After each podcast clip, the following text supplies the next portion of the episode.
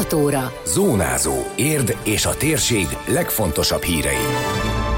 Újabb négy év bizalmat kapott Bazsóném egyes Klára. Színes programokkal és játékokkal várták gyermeknapon a kicsiket és nagyokat. Nehéz szezonon van túl az érdi VSL labdarúgó csapata. Köszöntöm Önöket, Endres Dóra vagyok. Ez a Zónázó, az Érdefem 113 hírmagazinja. A térség legfontosabb híreivel. Újabb négy év bizalmat kapott Bazsóném egyes Klára. Az Érdi Lengyel-Magyar Kulturális Egyesület szombaton tartotta meg tisztújító közgyűlését a Csuka Zoltán városi könyvtárban.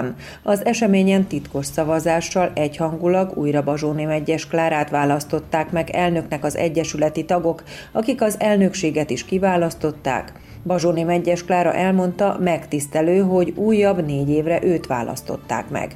Igyekszik a jövőben is az eddigiekhez hasonló lelkesedéssel dolgozni, bár a pandémia ideje alatt csupán az online térben tudták tartani a kapcsolatot. Nagyon régóta tagja vagyok az elnökségnek, alapító, egyik alapító tagja vagyok az Egyesületnek, és kezdettől vezetőségi tag voltam, hosszú ideig elnök helyettes, és 2013-tól vagyok elnök, ez most már a harmadik ciklusom lesz, tehát már úgymond rutinból is vezetem az Egyesületet, de az az igazság, hogy ez a pandémiás helyzet eléggé megnehezítette a találkozásainkat, illetve hát nem is voltak gyakorlatilag találkozásaink. Igyekeztem online módon is föntartani az érdeklődést, tehát megosztottam a régi eseményekről fotókat, információkat, továbbítottam lengyel ügyekről, illetve játékokat is szerveztem, tehát csináltam olyan internetes játékot, ami mégis élvezetesebbé tette a kirándulást kiállításokra, a rendezvényekre való megemlékezést. Bazsóni Megyes Klára hozzátette, az idei évben szeretnének újra aktív programszervezőként részt venni a város kulturális életében, és a kirándulásaikat is újra meg szeretnék rendezni. A héten lesz az első közös utazásuk idén, Egerbe utaznak majd az Érdi Lengyel Magyar Kulturális Egyesület tagjai. Egerbe és Eger környékére megyünk, mert ott is működött lengyel menekültábor, és ugye az volt a célunk, hogy a magyarországi lengyel emlékhelyeket felkeressük, és hát ez, ez is ebbe a sorba illeszkedik. Ott működött egy ideig gimnázium is, lengyel gimnázium, és hát a várban voltak a menekültek. 1939-ben, mikor a második világháború alatt befogadtuk a lengyel menekülteket. Az idei programunk még nagyon alakulóban van, azokat a programokat szeretnénk megcsinálni, amik elmaradtak tavaly. Tehát van olyan történész, akivel már csak időpontot kell egyeztetni, aztán szeretnék elmenni augusztusba Lengyelországba, hát ugye függ attól, hogy bemehetünk-e a oltási kártyáinkkal, és természetesen júliusban a Mohácsi csata emlékművénél fogunk koszorúzni. Két héttel később, június 13-án vasárnap a Magyar Földrajzi Múzeum kertje adott otthont a Városi Gyermeknapnak. Számos színes program és játék várta az érdeklődő gyermekeket, így hamar teltházas lett az esemény. Mint azt Barakonyi Tóth Viktória, a Szepes Gyula Művelődési Központ igazgató helyettese elmondta, a nagy létszám miatt turnusokat kellett létrehozniuk. A vártnál is többen vannak itt, és mi sem számítottunk ekkora tömegre, illetve hát nem tudtuk, mire számítsunk egészen pontosan, mert hát kétféle kimenete is lehetett ennek a mai napnak, hogy nagyon sokan lesznek, mint ahogy az meg is történt, vagy pedig még mindig van a járvány miatti félelem az emberekbe, vagy esetleg a túl jó idő elriasztotta őket, és inkább strandolnak, mint sem egy bezárt kertbe programozzanak.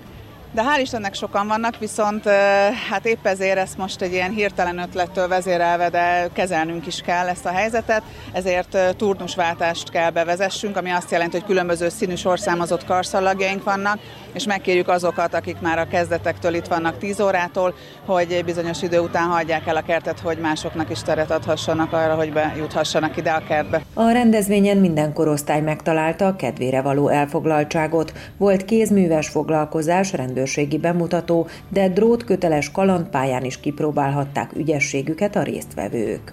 A légvártól kezdve az óriás trambulinon át, újra itt vannak velünk a kezeslábas játékoknak a bringás játékaik, amik nagyon közkedveltek. Van egy hatalmas nagy ökolabirintusunk, egy több állomásos mesés útvesztő, ahol hát próbáljuk a környezet tudatosságra játszva nevelni a gyerekeket Ezen kívül mászófal van, az már inkább a nagyobbaknak, de nyilván természetesen a kisebbek is kipróbálhatják. Van egy drótköteles kalandpályánk, és sok-sok óriás játékunk, például itt az óriás sak közvetlen mellettem, dobókockák, óriás buborékok, és egy nagy mesekép színezőnk is van, amit közösen színezhetnek a gyerekek napközben, és estére remélem, hogy elkészül belőle egy gyönyörű rajz. A Városi Gyermeknap idén is a természet szeretet és a zöld gondolat jegyében zajlott azzal a céllal, hogy megismertessék, megszerettessék a gyerekekkel a környezetbarát szemléletet.